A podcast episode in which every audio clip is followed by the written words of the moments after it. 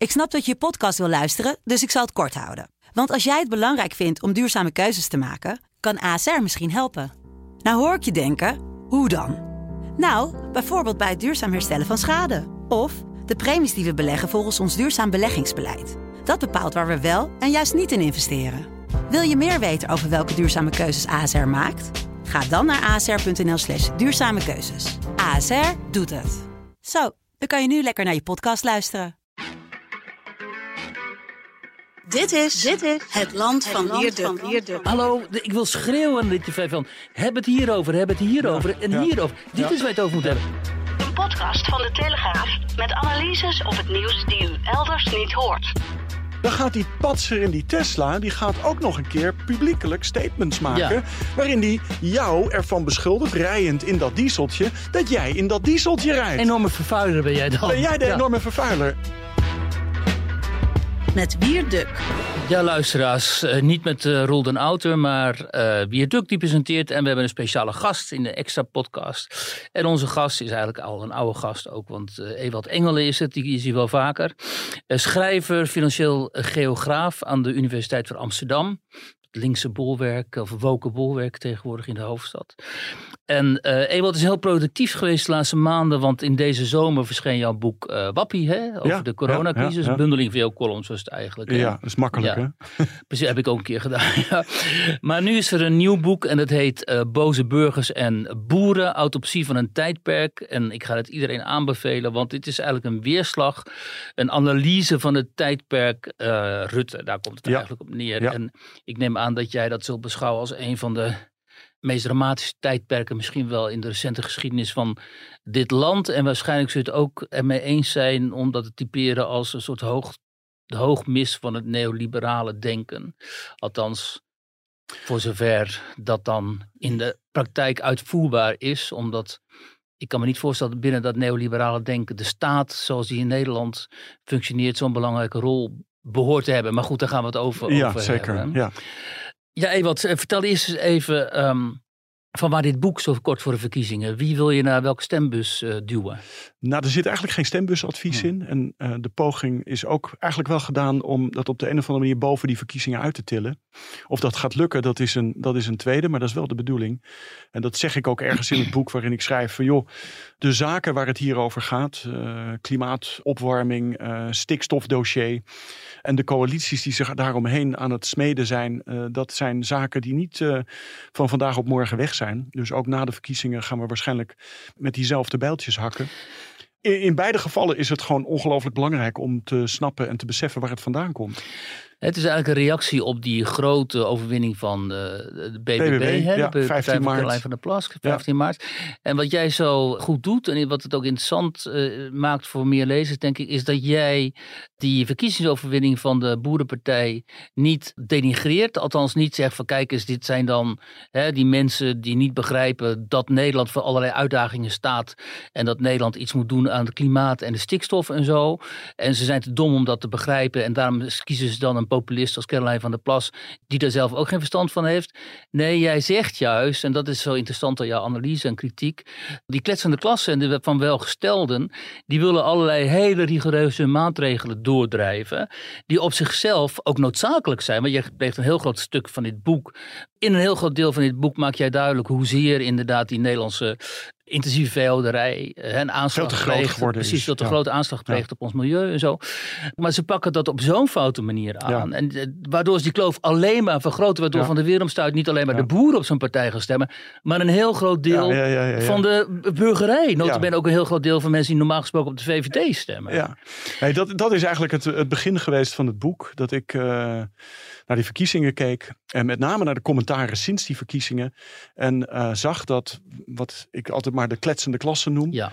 Dat hij inderdaad met ongelooflijk veel dédain reageerde op eh, de 1,4 miljoen kiezers die het vakje BBB rood gekleurd hadden.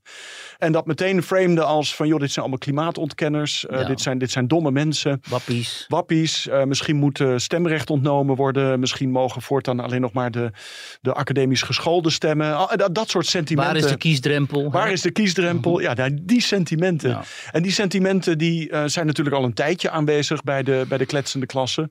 Want die kon je bijvoorbeeld bijvoorbeeld ook horen na de verkiezingsoverwinning van Pim Fortuyn. Je kon ze horen na de verloren gegaane referenda. 2005, constitutioneel verdrag, Europese Unie en ook rond de associatieverdrag Oekraïne. Ja, ref, reflexmatig komt de vraag wie zijn die mensen dan? Die, hè? Precies, ja, ja, ja, ja, ja. En, en dan daarbij van jongens, we staan voor enorme grote uitdagingen.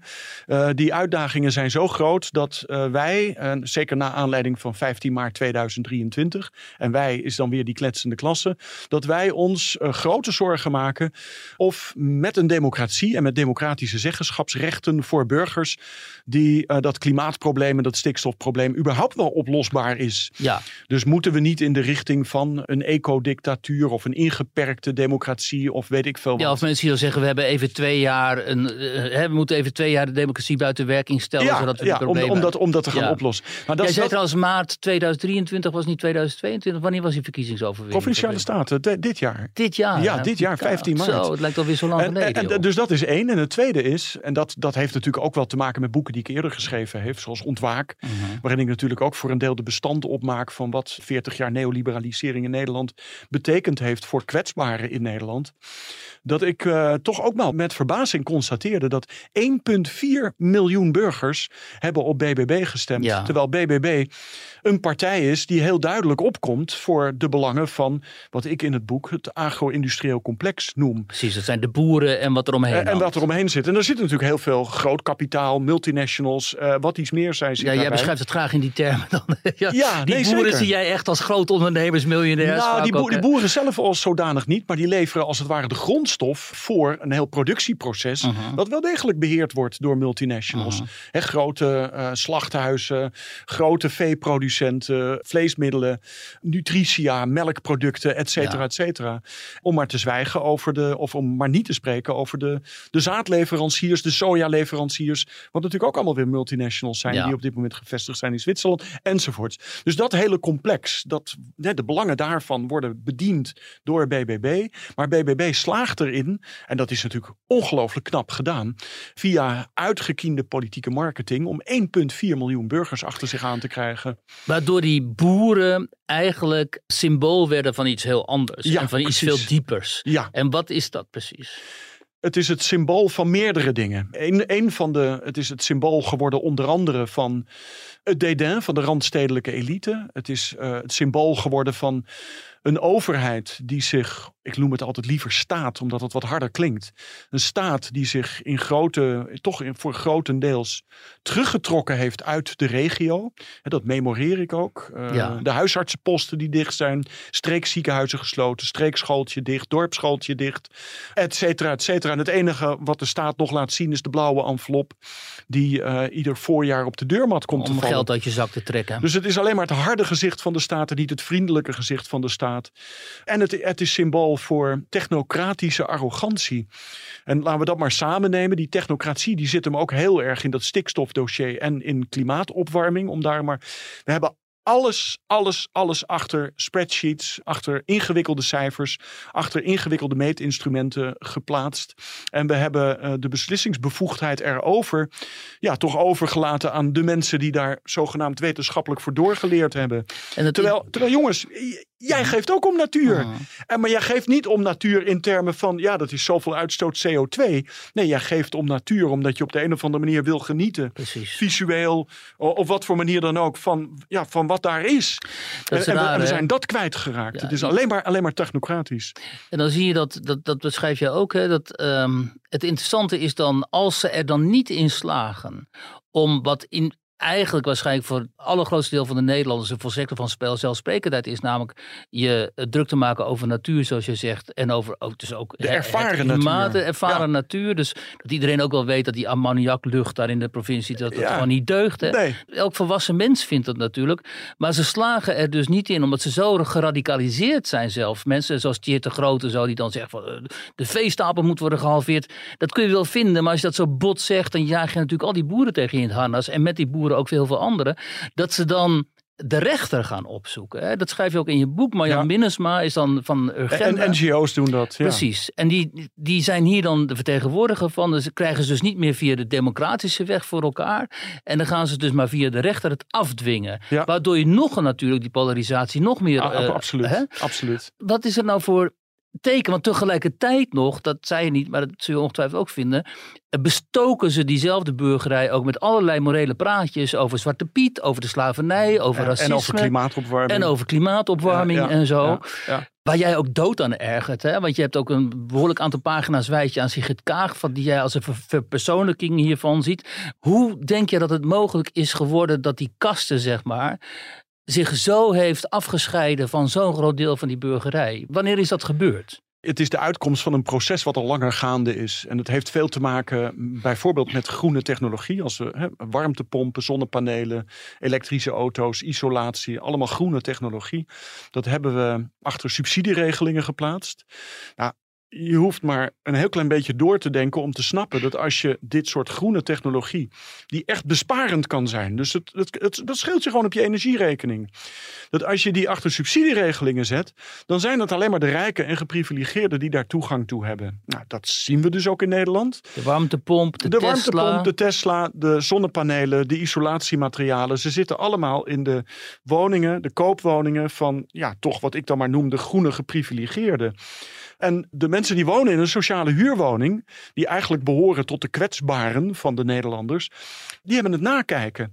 Maar die mogen wel meebetalen. Want uiteindelijk komen al die subsidies uit de grote pot. Ja. Komen gewoon uit inkomstenbelasting.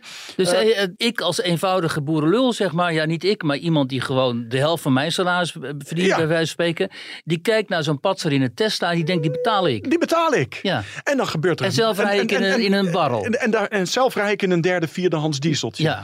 En, en, en dan gebeurt het volgende. Dan gaat die patser in die Tesla, die gaat ook nog een keer publiekelijk statements maken. Ja.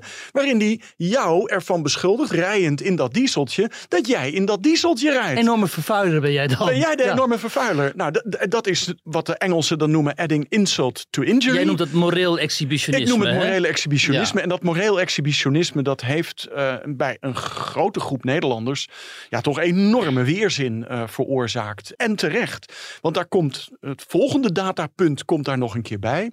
Dat ook al rij je in een Tesla. Ook al eh, ben je veganist geworden, ook al heb je je vakantievluchten zoveel mogelijk geminimaliseerd, jouw voetafdruk als rijken en welgestelde is nog altijd twee tot drie keer zo groot als de voetafdruk van de bruine armen. Dus de armen in het dieselautootje met gewoon een gas-CV-keteltje, Ja, et cetera, et cetera. Ja, jij komt met allemaal van dat soort cijfers. Hè? Ook Maar die de- cijfers zijn wrang. Die cijfers zijn ja, ook dat ongelooflijk je ergens schrijft dat de helft van de bevolking eigenlijk nooit een vliegtuig neemt. En dat 1% Precies. Van de wereldbevolking verantwoordelijk is voor, weet ik veel, bijna alle vluchten. Ja, zo. ja, ja, zo is dat. Ja.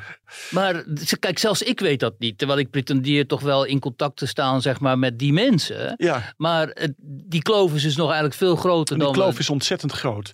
En, en, en nou, dat schets ik ook in het boek. Eh, op een gegeven moment eh, valt Rusland Oekraïne binnen.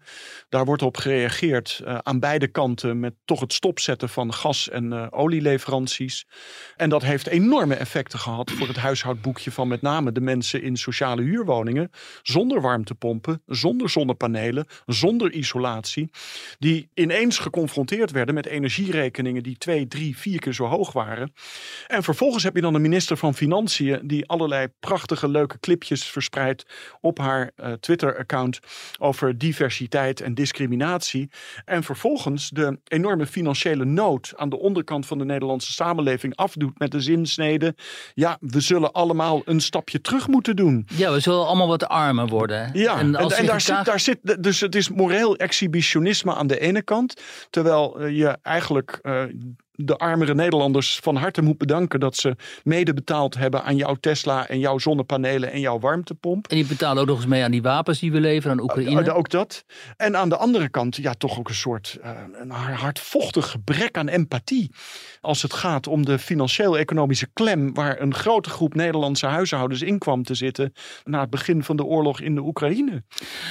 Kijk, in de analyse van Josse de Voogd en René Cuperus, hè, waar we het hier al vaker over hebben gehad, is het zo dat die te- de klasse van tevredenen, dat, dat zijn jouw welgestelden zeg maar, Ja. dat die eh, zo groot is ook in Nederland, dat zij het zicht op die andere werkelijkheid helemaal hebben verloren. Ze kunnen gewoon door, door hun eigen demografische uh, groot dikheid, zeg maar, dikte, Ja. zien ze die andere wereld helemaal niet meer. En dat hè, schitterend destijds, uh, notabene door Sigrid Kaag zelf uitgesproken, hè, toen ze het had over de kiezers van Forum van Democratie, dat ze in die auto dan tegen haar medewerker zegt, ja, wie zijn die mensen? Ja, Ze totaal verrast dat die überhaupt eh, bestaan. Maar zelfs zo'n crisis als waar we, ja, die jij net dus aansneed, zo'n energiecrisis waarin zoveel mensen dan op een gegeven moment in nood kwamen en niet meer kunnen bolwerken en zo. Zelfs toen bereikte die roep vanuit die groep nog niet dat establishment. Hè? En denk jij überhaupt, want er komen verkiezingen aan, dat in de huidige campagnes, voor zover je dat kunt overzien, en de huidige debatten, voor zover je dat kunt overzien, dat die analyse die jij maakt in dit boek zijn weerslag heeft in die verschillende partijen. Dus zowel bij, laten we zeggen, de nieuwe partijen BBB als de partij van, uh, van Pieter Omtzigt. Dus dat er vanuit het establishment toch nieuwe nou ja, partijen zijn voortgekomen die dit wel kunnen gaan vertolken. Kijk, als je, als je kijkt naar Den Haag, en dan hebben we het zowel over de, de politieke arena's, Eerste, Tweede Kamer en alles wat eromheen hangt, als de ministeries, dan is het heel duidelijk dat de mensen die daar rondlopen, man, vrouw, jong, oud, is allemaal academisch geschoold. En behoort eigenlijk allemaal tot de welgestelden. Ja. Deze mensen hebben op zijn hoogst indirect contacten met mensen die niet tot de welgestelden behoren en praktisch geschoold zijn. En een van de uitkomsten van politicologisch onderzoek is dan ook dat uh, je toch kunt zien dat in de, de, de wetgevingsactiviteiten, de wetten die uitgevaardigd worden, dat daar een zekere kleuring in zit. In de zin van dat ze de belangen behartigen van, van de welgestelden. Van hun eigen klasse, ja. inderdaad. Ja. En, en dat is dus ook iets wat ik in het boek laat zien. Uh, het Sociaal Cultureel Planbureau laat ook zien waar de overheidsuitgaven terechtkomen. En uh, een van de uitkomsten daarvan is dat met name de welgestelden in Nederland, die hebben ook het meest baat bij de, bij de diensten die de overheid verricht. En dan hebben we het over hypotheekrenteaftrek, we hebben het over kunst- en cultuurbeleid, uh, gesubsidieerd kunst- en cultuurbeleid. En we hebben het eigenlijk over alle financiering richting hoger onderwijs gaat allemaal naar die mensen. En uh, de contacten die zij hebben met ja, de minder welgestelde Nederlanders, ja, die zijn heel erg beperkt. En ik zie daar, dat zie ik niet structureel veranderen. En uh, je ziet nu wel iemand als Timmermans een soort tournee door Nederland maken.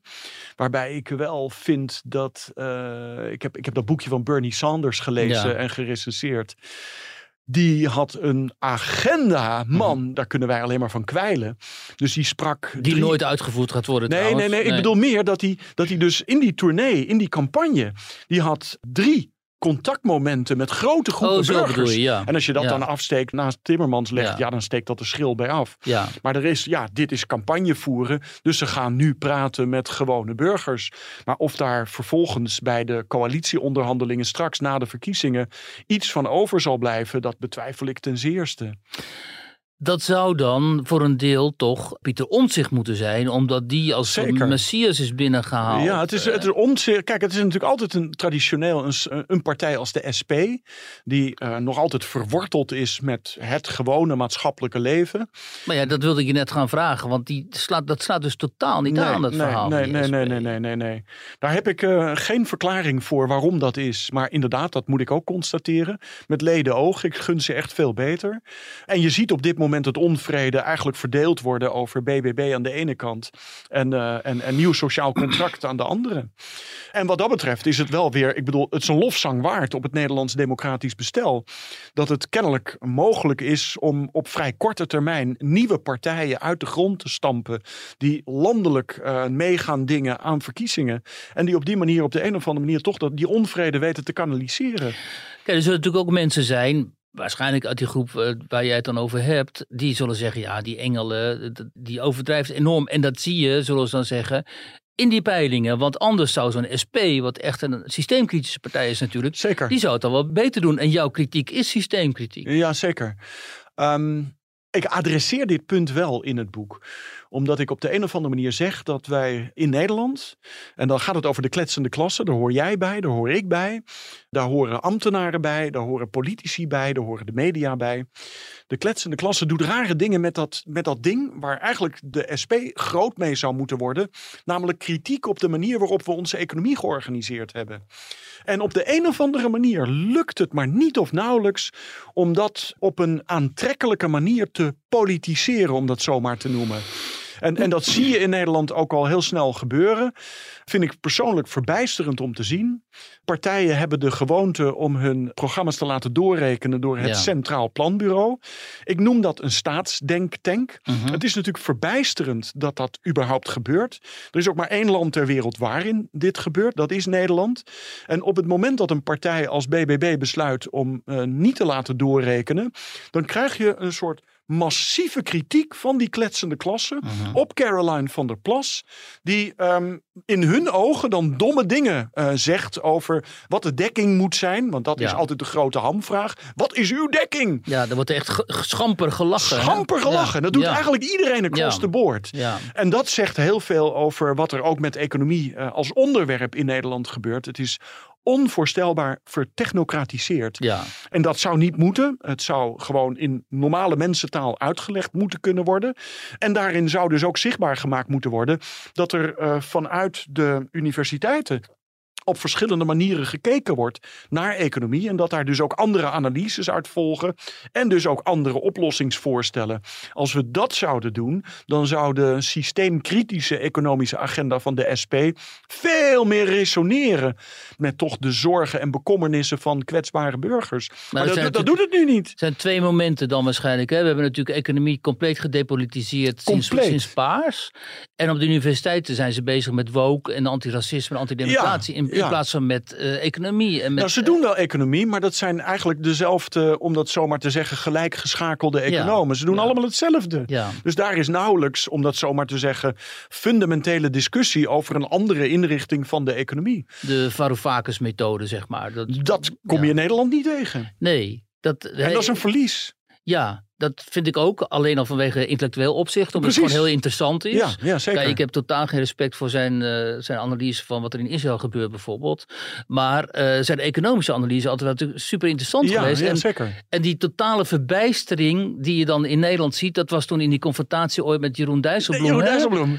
Die snapte helemaal niet waar die Varoufakis het over had. Nee. En die had er ook helemaal geen tijd voor. Nee. Geen zin in. Nee. Terwijl je denkt, nu word je, stuit je dus op een fundamentele analyse. Kritiek op het eurobeleid. Ja, precies. Waardoor we in de first place in deze ellende terecht zijn gekomen. En dan ga je daar volledig aan voorbij. En dan ga je alleen maar zoeken naar, naar stopdoekjes, zeg maar. Om het probleem niet echt fundamenteel op te lossen. Nee, volgens mij was het nog erger. Hij zei zelfs, van, ja, er werd hem gevraagd, wat vind je van Varoufakis? Ja, hij is zo ideologisch. Ja, de. En, en, en, en, en, daarmee dus ook op de een of andere manier implicerend dat zijn eigen standpunten niet, Niet ideolo- ideologisch ja, zijn. maar dat is het is toch volkomen bezopen. Ja, maar dat is dus het hele punt. Ze kunnen totaal niet erboven nee, de reflectie is er niet. Nee, nee. Maar dat is vreemd, omdat het in landen als Frankrijk en Duitsland Engeland. Wel eh, bestaat. absoluut, ja, Ja. zeker. Ook, ook Verenigde Staten. Dus daar, heb je, daar heb je scholenstrijd. En scholenstrijd is goed, want scholenstrijd dwingt je om argumenten te geven voor wat je vindt. En dwingt je ook om medestanders te vinden onder de burgerij. Ja, En wil je dat doen, dan zul je moeten uitleggen. ja, In taal die iedereen begrijpen kan. En, en, en kijk naar economische discussies in Nederland. Dat is echt volkomen hopeloos. Ben jij de enige dan die dit soort Nee, standpunten er, zijn er, er, er zijn er nog twee. Nee, het zijn er Er zijn er nog twee. Noem, het- noem de namen. nee, nee. Ah, Dirk Beesemer en Ja. Dirk Beesemer. Nee, het is volkomen hopeloos. Dus je blijft gewoon de roepende in de wo- woestijn. Nu, en nu ben je ook nog eens een keer de partij waar je je mee verbonden voelde, de Partij voor de Dieren. Die heb je kennelijk achter je gelaten vanwege hun Oekraïne-standpunt. Dus nu ben je helemaal. Nu ben ik helemaal zwervend, Eenzaam, zwevend ja. en eenzaam. Ja, nee, zeker. Maar er zijn ook mensen zoals jij, die voor een deel natuurlijk op dit soort onderwerpen dezelfde standpunten in hebben. En op andere onderwerpen weer wat anders. Ja, dat is ook wel. Nou ja, kijk, misschien moeten we inderdaad ehm, het naar de actualiteit trekken, ook nu natuurlijk. Kijk, midden in deze analyse die jij biedt in dit boek. Hè, waar eigenlijk ook wel naar voren komt dat Nederland een land op drift is. Dat in Ja, ieder geval de- bevolking op drift is. Ja. Dat hè, beschrijf ik in mijn Ja. boek, boeken ook en anderen doen dat ook. Er komt nu- nog eens een keer een enorme geopolitieke crisis rond Oekraïne en Rusland, waarin jij ook een afwijkend standpunt inneemt Ja, trouwens. ja. wil ik het best even met je over hebben. En nu die vreselijke kwestie in Israël en, en, Gaza. Ja, ja hoe, hoe verwerk jij dat? En, en wat denk jij dan, waar zijn we internationaal op weg naartoe? Zeker ook omdat je intern zien wij nu die grote manifestaties voor uh, Palestina bijvoorbeeld, waarin ook heel veel anti-Westen sentiment en ook antidemocratisch uh, sentiment in mijn ogen zich samenbalt. Misschien ben jij het daar niet mee eens, maar dan vind ik het interessant daarna te luisteren wat jij ervan vindt. Dat baart mij enorm zorgen, moet ik zeggen, omdat mijn analyse was al lang dat wij hè, ons collectieve geheugen en ons gevoel van consensus kwijt zijn geraakt door allerlei middelpuntvliedende krachten, waarbij immigratie voor, volgens mij ook een belangrijke rol speelt. Dat vind jij niet, maar dat vind ik wel. En nu manifesteert zich dat ook nog eens een keer op zo'n hele agressieve wijze. Absoluut. Ja. Wat, hoe kijk jij daarnaar? Want je hebt dus over een paar van die punten heel ander standpunt eigenlijk dan ik. Zeker, ja. Nou kijk, ten eerste uh, constateer ik dat er in Nederland op dit moment, als het gaat om verkiezingen, drie onderwerpen uh, als het ware met elkaar strijden om de toppositie. Dat is um, klimaatopwarming, stikstofdossier, dat is één. He, vergroening, transities, uh, what have you. Tweede is um, kosten van het levensonderhoud, crisis uh, en herstel. Bestaanszekerheid. Bestaanszekerheid heet dat dan tegenwoordig. En daar hoort omzicht, nieuwe bestuurscultuur, uh, de hervorming van de, van de publieke dienstverlening hoort daarbij. En het derde onderwerp is migratie. Door wat er in Israël gebeurt, zien we dat dat migratieonderwerp eigenlijk het belangrijkste aan het worden is. En de andere twee onderwerpen wegdrukt. En als het gaat om migratie, dan ben ik het wel met je eens dat het een probleem is. Alleen denk ik dat het probleem net ergens anders ligt. Uh, want die migratiestroom die bestaat natuurlijk uit verschillende segmenten. En uh, wat ik met name in die Randstad gezien heb en nog zie, is dat wat daar de boel echt enorm op scherp zet. En ook heel veel zaken uit balans heeft doen brengen. Dat is toch de enorme instroom aan, aan expats uh -huh. en internationals, de internationale uh -huh. studenten. We hebben een, een vertoog wat gaat over een woningcrisis. Er zijn te weinig woningen. De woonprijzen zijn te hoog. En, en dat is absoluut waar. Of er te weinig woningen zijn, dat, daar kan je nog over discussiëren. Maar dat de woonprijzen te hoog zijn, dat is, dat is absoluut waar. En dat is ook internationaal vergelijkend gewoon aantoonbaar. Er is, er is volgens mij van alle Europese Unie-lidstaten is er geen land waar zoveel huishoudens meer dan 40% van hun besteedbaar inkomen aan woonlasten kwijt zijn. Daar niet te geloven. En dat is echt ja. niet te geloven. Dus dat is volkomen de spuigaten uitgelopen. Maar die experts kunnen dat betalen omdat ze die belastingvrijstellingen hebben. Die hebben belastingvrijstellingen en vaak worden ook de woonlasten opgebracht door de werkgevers. Ja. En, en nou, dat betekent dus dat je eigenlijk aan de bovenkant van je huizenmarkt is het, uh, ja, God zegene de greep, weet ja. je wel. Je kan vragen wat je wil, want het wordt toch wel betaald. En, en dat heeft natuurlijk een soort cascade effect. Dat het overall prijspeil van woningen in Nederland is de afgelopen ja, sinds het midden van de jaren negentig ongelooflijk gestegen. En dat bijt dus een steeds groter deel van het besteedbaar inkomen uit het maandinkomen van steeds meer Nederlanders. Ja, en dat, dat creëert nu dat creëert problemen. Maar die mensen waar jij ook zegt voor op te komen, die zeggen: ja, luister eens, uh, mijn kind uh, is op zoek naar een sociale huurwoning en die krijgt die woning niet omdat er statushouders in worden ondergebracht. En dat komt weer uh, omdat de aantals sociale huurwoningen gewoon verminderd is. Kijk naar wat BlackRock in plaatsen als Amsterdam doet. Die kopen grote huizenblokken op van woningbouwcorporaties en verpachten dat vervolgens weer in de private huursector. Ja, dat staan we allemaal toe, hè? Dat hebben we allemaal ah, vermarkt. Absoluut, ja, nee, zeker. Ja. Nou, maar dat is dus een van de puinhopen van 13 jaar Rutte geweest. Hoe kun je nou je sociale huurmarkt vermarkten? Ja, je, je, doet, je doet het via je puntenstelsel. Dus alles wat op een gegeven moment een dusdanige renovatie heeft doorgemaakt dat het buiten de sociale ja. huursector komt, dat kan vervolgens aangeboden worden op een ander marktsegment. En dat is gewoon wat men doet. En vervolgens vul je het segment schaal. niet aan. Nee, of je doet het minder in ieder geval dan wat eraf gaat. Ja. Waardoor je wel kan zeggen van ja, we blijven sociale huurwoningen bouwen. Maar het is, uh, uiteindelijk wordt de totale voorraad wordt gewoon minder. Ja. Jij zegt hè, van uh, vooral die expats vind jij dan problematisch? En dan kijk je ook weer met de sociaal-economische bril. Terwijl ik denk, ergens in je boek schrijf je ook het aantal, zeg maar, binnenkomers, armere vluchtelingen uit islamitische landen, is daarmee eigenlijk um, verwaarloosbaar. Alleen met hen komt ook een ideologie binnen en een blik op de wereld die in heel veel opzichten vaak niet strookt met wat wij in onze open, vrije samenlevingen Ja, ja. als wenselijk achten. Hè? En dat zie je nu dus botsen op die straten. Terwijl daar zou zelfs een linkse de- jongen de- als jij toch van moeten de- schrikken. De demonstraties, de protesten. Nou, weet je wat, weet je wat ik- ik- dat zul je met me eens zijn. Dat Palestijns-Israëlisch conflict is een ongelooflijk ingewikkeld conflict. dat is horror. gewoon. Dat is horror. Ja. En eigenlijk past geen enkele makkelijke morele stellingname Nee. hier. En dat is natuurlijk wel wat de demonstranten in de straten doen. Dat is een makkelijke morele stellingname. Want je zegt eigenlijk van ja, één partij is de, is de onderknuppel en daar komen wij voor op. Ja. Maar je gaat dan helemaal voorbij aan het feit dat de nu bovenliggende partij in een lange periode van de geschiedenis de onderliggende De partij is geweest. ja. En dat wij natuurlijk met z'n allen op de een of andere manier ook vanuit onze eigen ereschuld. Want laten we wel wezen wat Nederland tijdens de Tweede Wereldoorlog eh, gedaan heeft in termen van het beschermen van zijn Joodse medeburgers. Het is niet fraai. hè? Dat houdt ook niet over. Nee. Dus er is, er is ook een soort historische schuld. En vanuit die historische schuld heeft de Nederlandse overheid over het algemeen genomen partij gekozen voor Israël. Nou, wat ik ervan vind is eigenlijk niet zo relevant. Ik vind wat er aan beide kanten gebeurt afschuwelijk. En ik moet ook heel eerlijk zeggen dat de, de, de beelden die langskwamen, zeker in het begin, dat ik die ehm, niet om aan te zien vond. Echt verschrikkelijk. Maar waar ik dan naar kijk, eh, en dat zien we natuurlijk ook met het Oekraïne-conflict gebeuren, is dat we hebben vanaf 89 hebben we ons op de een of andere manier veilig gewaand onder een, eh, Amerikaanse eh, defensieparaplu. En we hebben heel erg een, een Amerikaanse neoliberale vrije marktideologie omarmd. En we komen erachter dat, eh, dat zien we met Oekraïne, dat zien we nu ook weer rond dat Palestijnse conflict in, eh, in Gaza, dat de rest van de wereld daar toch echt anders naar kijkt. En dat, dat gaat langere termijn consequenties hebben, die wel eens heel nadelig kunnen zijn voor eh, een gebiedsdeel als, als, als Europa. Wat ik zie gebeuren is groeicijfers in de Verenigde Staten en in het Verenigd Koninkrijk, die veel hoger zijn dan in de Europese Unie. gewoon 5% weer of zo. Hè? Ja, die kloof die wordt Ja. snel groter. En dat heeft veel te maken met, ja, toch in, in mijn optiek eh, strategische blunders aan de kant van eh, de Europese elite. Die veel te snel en te makkelijk partij hebben getrokken voor Oekraïne. En geconfronteerd worden met, met de kosten van die sancties. Die ehm, ja, op dit moment leiden tot deindustrialisatie in Duitsland. Die eh, enorme hoge energieprijzen in Nederland verzorgd hebben. Waardoor het besteedbaar inkomen achtergebleven is.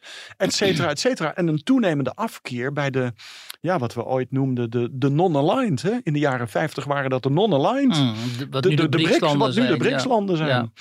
Nou, weet je, dat verbaast mij zo. Hè? Dat je, ik ben Dat opgegroeid- staat overigens allemaal niet in het boek. Nee, dit staat niet in je boek. Maar het is wel belangrijk, ik vind ook interessant om...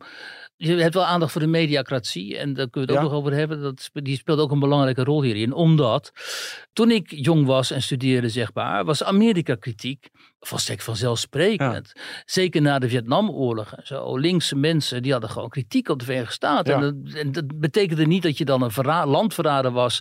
en dat je eh, geen respect of liefde had voor Amerika. Maar je kunt een staat eh, op basis van zijn gezagsdragers en zijn politici en zo en beleidsbeslissingen kun je natuurlijk bekritiseren. Ja. Alleen dat is nu een soort van taboe geworden. Notabene, hè, in het, het vreemde is, in de analyse van nu kun je bijvoorbeeld wel Donald Trump bekritiseren als man en als populist Ja. en zo. Maar dat Amerika sowieso wel de, de goede, het goede met de rest van de wereld zou voor hebben of zo, dat is een soort van onbetwistbaar geworden. Ja. Dat Amerika de goede keuzes maakt in zaken Oekraïne, in zaken steun aan, aan Israël, in al die andere opzichten en zo. Dat is notabene in linkse kringen tegenwoordig een geaccepteerd verhaal. Ja, dat is een En soort geloofsartikel. Dat is een geworden. geloofsartikel Ja. geworden. Ja. En dat slaat dus elke discussie inderdaad over of wij als Europa niet veel, ons veel onafhankelijker hadden moeten maken van die Ja. Atlantische band. hè. Ja. Met Rusland ook al veel eerder voor die invasie een soort van ehm, Afspraken maken. afspraken hadden Ja, moeten maken. zeker. Je, kunt, je maakt met allerlei autoritaire regimes ja. afspraken. En of we ons niet, in, in, zoals jij zegt, ook enorm in de voeten hebben geschoten nu. Dat maakt het allemaal heel urgent. En Alleen onze media, daar wil ik het dan over hebben, die houden dit systeem en deze manier van denken ook in stand. Zoals ze ook 13 jaar lang eigenlijk voor een groot deel de Ruttecratie in stand hebben gehouden. Hè? Hoe is dat nou te verklaren? Want je kunt het niet verklaren door te zeggen, ja, maar die zijn allemaal in handen van een paar uitgevers. En die uitgevers die bepalen wat. Nee, er, nee, maar dat nee, is niet nee, zo. Nee, nee, nee, nee, nee, nee. Nee, het is een wijze van denken. Het is een wereldbeschouwing die gedeeld wordt. Dat is een van de dingen die mij, die mij wel opvalt. Uh, op het moment dat uh, journalisten en politici elkaar ontmoeten, dan is daar een uh, soort maatjes. Het is dezelfde achtergrond. Het zijn dezelfde opleidingen. Het is dezelfde levensstijl. Het zijn dezelfde, om dat zomaar te zeggen, culturele voorkeuren. Dezelfde films, dezelfde muziek waarnaar geluisterd wordt. Dezelfde boeken die gelezen worden. Dezelfde personen die als autoriteit en gezagsvol beschouwd worden. En het is, dat geldt voor zowel politiek als intellectuele dom als uh, de media. Wat mij opvalt is dat alles wat daar op de een of andere manier ertoe doet, ontleent zijn wereldbeeld en zijn standpunten in hele belangrijke mate van een heel beperkt aantal gezaghebbende Amerikaanse media. Ja. De New York Review of Books, de New York Times, de Washington Post. En er zijn eventueel nog wel wat andere. Um, Wall Street Journal, eventueel. Nou ja, dan ben, je, ben je al de, aan de, linkse rechter, tak, de, rechter, ja, rechterkant. Ja, ja, precies. Ja, links maar, maar rechts je hebt nog, hebben dingen als die Atlantic. En er zijn nog een aantal van dat soort tijdschriften. En die worden gezien als gezaghebbend. En de standpunten die daarin verwoord worden, het wereldbeeld wat daarin verbreid wordt, dat is eigenlijk ook het, het, het onze, om dat zomaar te zeggen. En er wordt vrij weinig Frans gelezen, er wordt vrij weinig Duits gelezen. En als er Duits gelezen wordt, ja, dan wordt er ook uh, maar een, beperkte selectie gemaakt. Uiteindelijk is dat natuurlijk toch tamelijk fascinerend dat we een, een economische orde hebben die uh, heel erg verweven is met de Duitse orde. Maar dat als het gaat om uh, dat intellectuele domein, het is zo ongelooflijk Anglo-Amerikaans georiënteerd. Ja, wat iemand als Rutte natuurlijk als uh, bij uitstek vertegenwoordiger ja, absoluut. daarvan. Ik bedoel, dat, dat schets ik ook. De Atlanticus bij uitstek. De Atlanticus bij uitstek, maar ook als je kijkt naar zijn ideeën over de hervorming van de Nederlandse verzorgingsstaat. Ja, die kwamen gewoon één op één van ideeën van Cameron, The Big Society. Ja. En die waren weer ingestoken door allerlei uh, ja, Engelse intellectuelen en politiek filosofen. En dat heeft hij gewoon overgenomen. Dus wat dat betreft zijn die, ja, dat is, dat is een hele hechte, hechte relatie. Ja, vreemd is dat. Want je zou verwachten, kijk, Europa heeft toch ook een hele belangrijke conservatieve traditie. En daarvan zien we in Nederland bijvoorbeeld in het politieke landschap ook helemaal niets terug. Ook niet bij de VVD. Hoogstens ergens in, bij, bij conservatief-christelijk of zo. Ja, hè? ja, je zou het misschien een beetje verwachten bij, uh, bij een nieuw sociaal contract. Dat is natuurlijk toch, hè, dat hele, de hele term is, is op zich een fascinerende. Sociaal contract, dat is eh, Jean-Jacques Rousseau. Ja. Dat is romantische kritiek Ja. op de moderniteit. Maar zie jij het niet als een soort uh, nakomeling van de KVP? Dat nieuw sociaal contract, ook qua het sociale element erin. Ja, nee, zeker. Maar dat is, uiteindelijk is dat natuurlijk wel gewoon, dat is, dat is, dat is vaderlandse geschiedenis. Ja, Dat is, dat is, dat is het, het, het sociaal-katholieke denken. ja, En, en dat had natuurlijk allerlei toch ook emancipatie-elementen in zich zitten. ja. eh, waarin het vooral ging om het maatschappelijk middenveld. Eerherstel voor het maatschappelijk middenveld. Nou, wat mij betreft is dat best welkom. Zie jij iets in, die, in het maatschappelijk middenveld en dat, dat eeuwige streven naar consensus in een tijd die zo vraagt om hele urgente systeemveranderingen eigenlijk? Ja, nee, kijk, ik, ik denk inderdaad, dat schrijf ik ook. eh 13 jaar Rutte heeft eh, allerlei ruïnes achtergelaten die nodig ja, behandeld moeten worden. Ja, Dat moet plaatsvinden in een situatie waarin een eh, groeiende groep kiezers eigenlijk afgehaakt is. Dat is Notabene, Coupe- Couperus, Ja. Josse de Voogd, de afgehaakte. De groep afgehaakte was ooit pakweg 20% van het electoraat. Het, het is meer dan dat. ja, het is, bij, Het is 30, 35, 40 procent. En dus ontkom je er niet aan om die afgehaakte weer op de een of andere manier bij het politieke bedrijf te betrekken. Bij eh, collectieve besluitvormen. En eh, ik doe dus aan het einde een, een voorstel om een brede maatschappelijke discussie te organiseren rond het onderwerp eh, stikstof. Wat gaan Ja. we ermee doen? ja. Het is een typisch politiek onderwerp. Het heeft een hele lange geschiedenis. Maar Janne Zwageman noemt het dan een heel duf voorstel, geloof ik. Hè? Ja, maar ze zei dat vooral op basis van. Want het stond in een rijtje waarin burgerraden en referenda genoemd Mhm. werden. En dat vond ze duf. Maar die brede maatschappelijke discussie. die zou gebruikt kunnen worden. om weer opnieuw burgers die afgehaakt zijn te te betrekken bij collectieve besluiten. En uh, om op de een of andere manier weer een poging te doen om het vertrouwen te winnen. Zou je zo'n brede maatschappelijke discussie ook over de massa-immigratie bijvoorbeeld willen wat, wat, mij, wat mij betreft is dat ook een fantastisch onderwerp. Kijk, ieder onderwerp. Want ons is nooit iets gevraagd of wij nee, dat nee, wel wilden. Hè? Nee. En, en eigenlijk, het, het is dat dat lastig is. Je zou dat ook rond lidmaatschap Europese Monetaire Unie moeten Bijvoorbeeld, doen. Bijvoorbeeld, ja. En dat was dus ook het plan. Hè. Rond het constitutioneel verdrag had ook een brede maatschappelijke discussie georganiseerd moeten worden.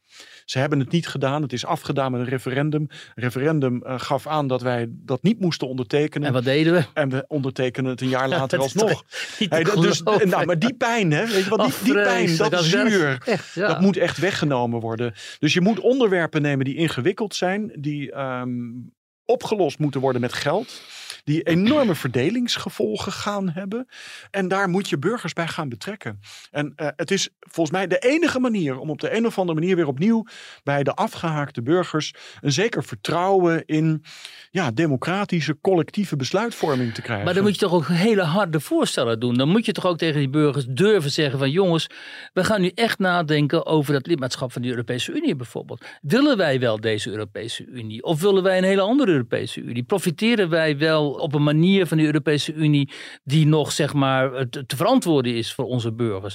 Net zo over immigratie, net zo over die euro, net zo over onze identiteit. En wat is dan die Nederlandse identiteit? Want dat, dat, die multiculturele samenleving, kunnen we constateren, die is behoorlijk uh, mislukt. In ieder geval is behoorlijk ontspoord. Pracht, maar dat prachtig onderwerp. Ja, maar ja, als je dit zegt, joh. Ik bedoel, als je dit in een debat zegt, dan ben je de rechts, ergens rechts van de PVV kom je dan uit. In de ogen maar van, je die, zou ook kunnen van de kletsende klasse. Ja, maar je zou ook kunnen zeggen van, joh, dit is gewoon radicaal democratisch durven zijn. Ja, dat want vind dat ik is dus inderdaad ook. gewoon maar, durven maar dat zijn. bedoel ik, dat durven ze dus niet. Dus die moet, kijk, want ik vroeg jij in het begin van hoe kijk je nou naar die debatten en die campagnes en zo. Ik kijk ook naar die debatten en zo.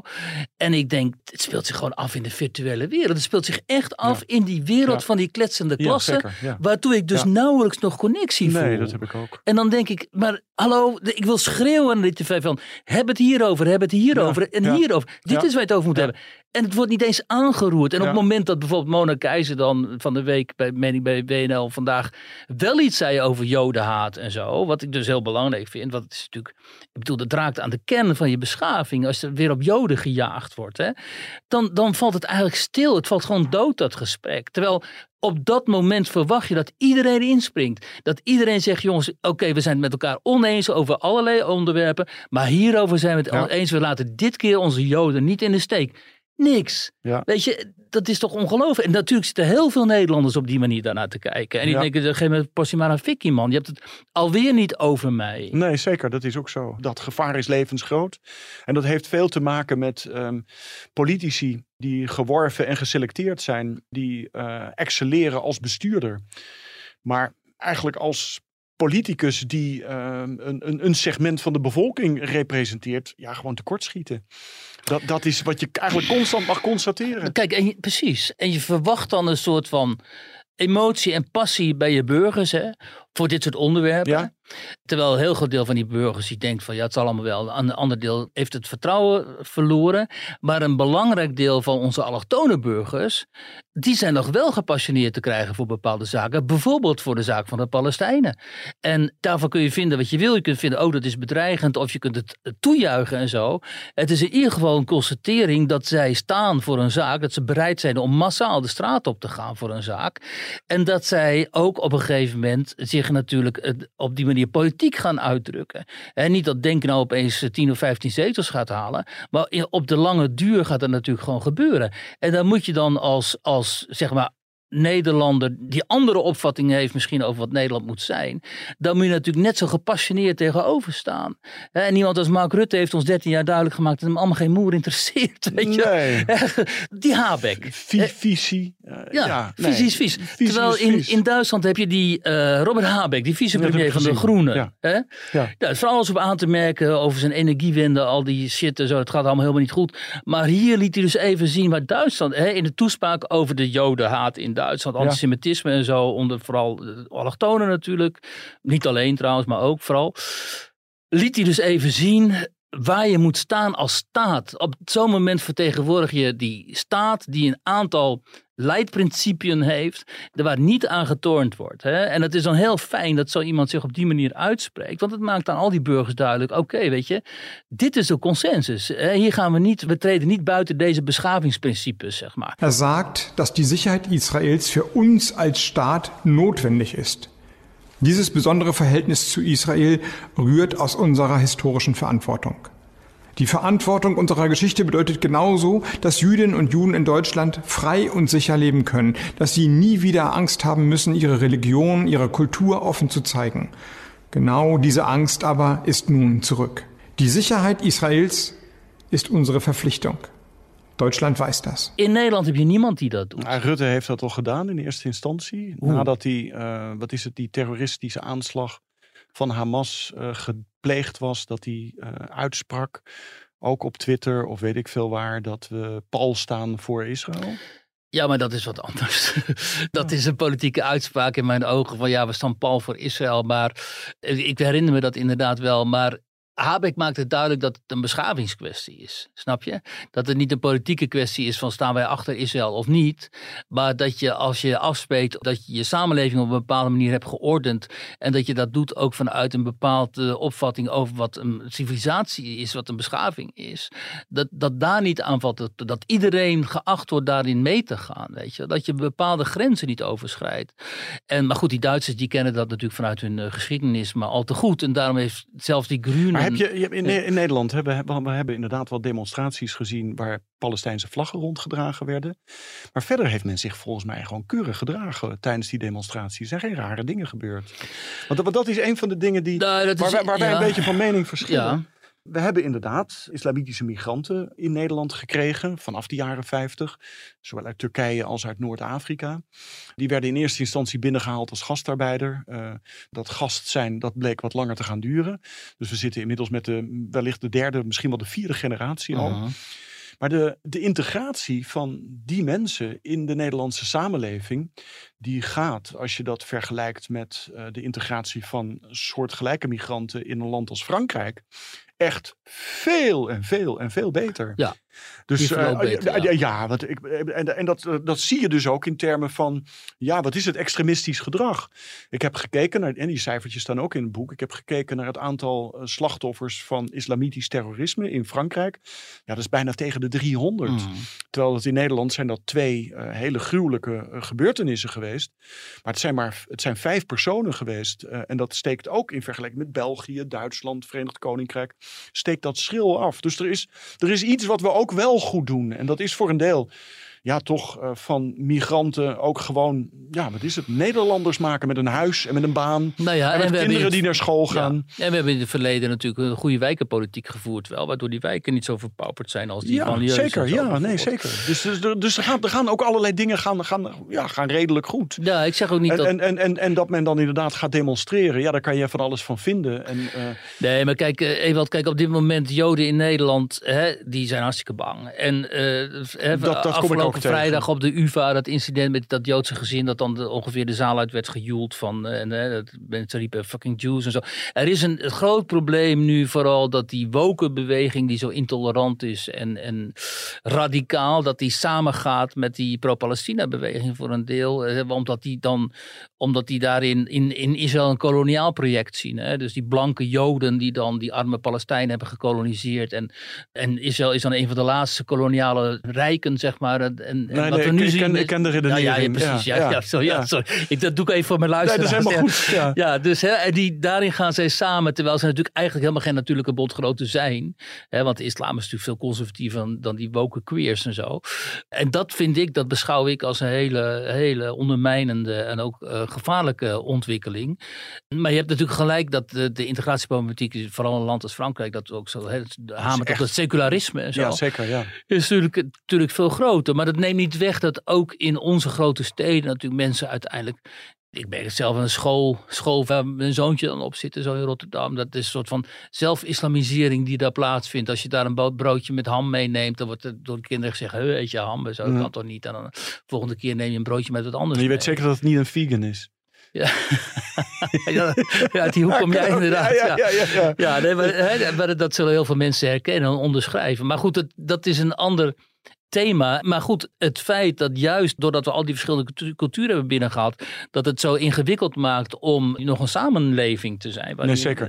Dat Maar dat la- is la- natuurlijk la- onmiskenbaar. Je, je, je, begon met Habeck. Ja. En, eh, we hoeven het niet over de uitingen van Habeck als zodanig te hebben. Maar ik denk wel dat je gelijk hebt in de zin van... Degene die op de een of andere manier de representanten van het volk zijn, die leiding moeten geven aan het statelijk apparaat van een land, die worden ook geacht om moreel leiderschap aan de dag te tonen. Ja. En dat hebben we eigenlijk erop de- aankomt. 13 jaar lang niet of nauwelijks gezien. Het was bij Rutte eigenlijk alleen maar geld verdienen, jezelf invechten en dan was eigenlijk alles goed. Zolang je maar geen beroep deed op de staat, was je geaccepteerd. En visie en eh, leiderschap, dat is eh, iets wat je zelf maar in je privéleven doet. En eigenlijk moeten we constateren dat de wereld is te ingewikkeld geworden. De wereld is ook op de, op de een of andere manier, om dat zo maar te zeggen, volatiel geworden. Er, is, er zijn te veel brandhaarden ideologische brandhaarden, culturele brandhaarden. Dus we kunnen niet zonder op de een of andere manier toch een vorm van moreel leiderschap. En dat is wat anders dan moreel exhibitionisme. Ja, precies. En wie levert dat leiderschap op dit moment in jouw ogen?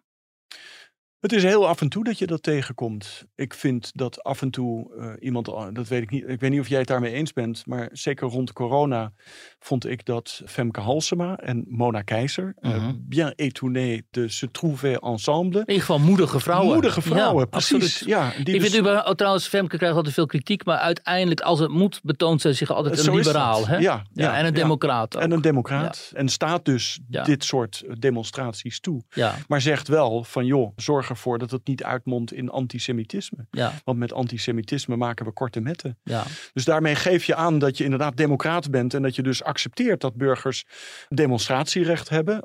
Maar dat dat niet ten koste mag gaan van andere bevolkingsgroepen. ja. En Mona Keizer dat noem je ook in jouw boek, hè? Dat ja, zij moedige, moedige- moedige, moedige politicus. Ja. Ja, absoluut. Ja.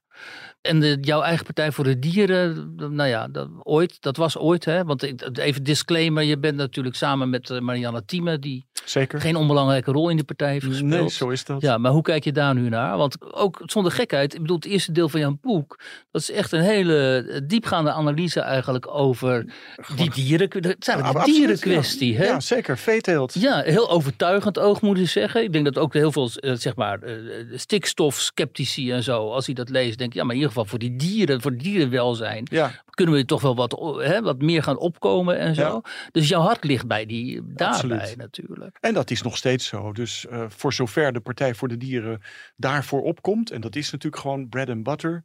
Om dat zomaar te noemen Ja. voor de Partij voor de Dieren. Allemaal helemaal goed. Ja, Maar ik vind dus inderdaad dat ze gaan, als het gaat om dat Oekraïne-standpunt. dat ze een verkeerd standpunt in vanwege hebben die genomen. wapenleveringen. Ja, ik vind dat eigenlijk eh, niet passen bij een pacifistische partij die eh, klimaat en dierenwelzijn hoog in het vaandel heeft staan.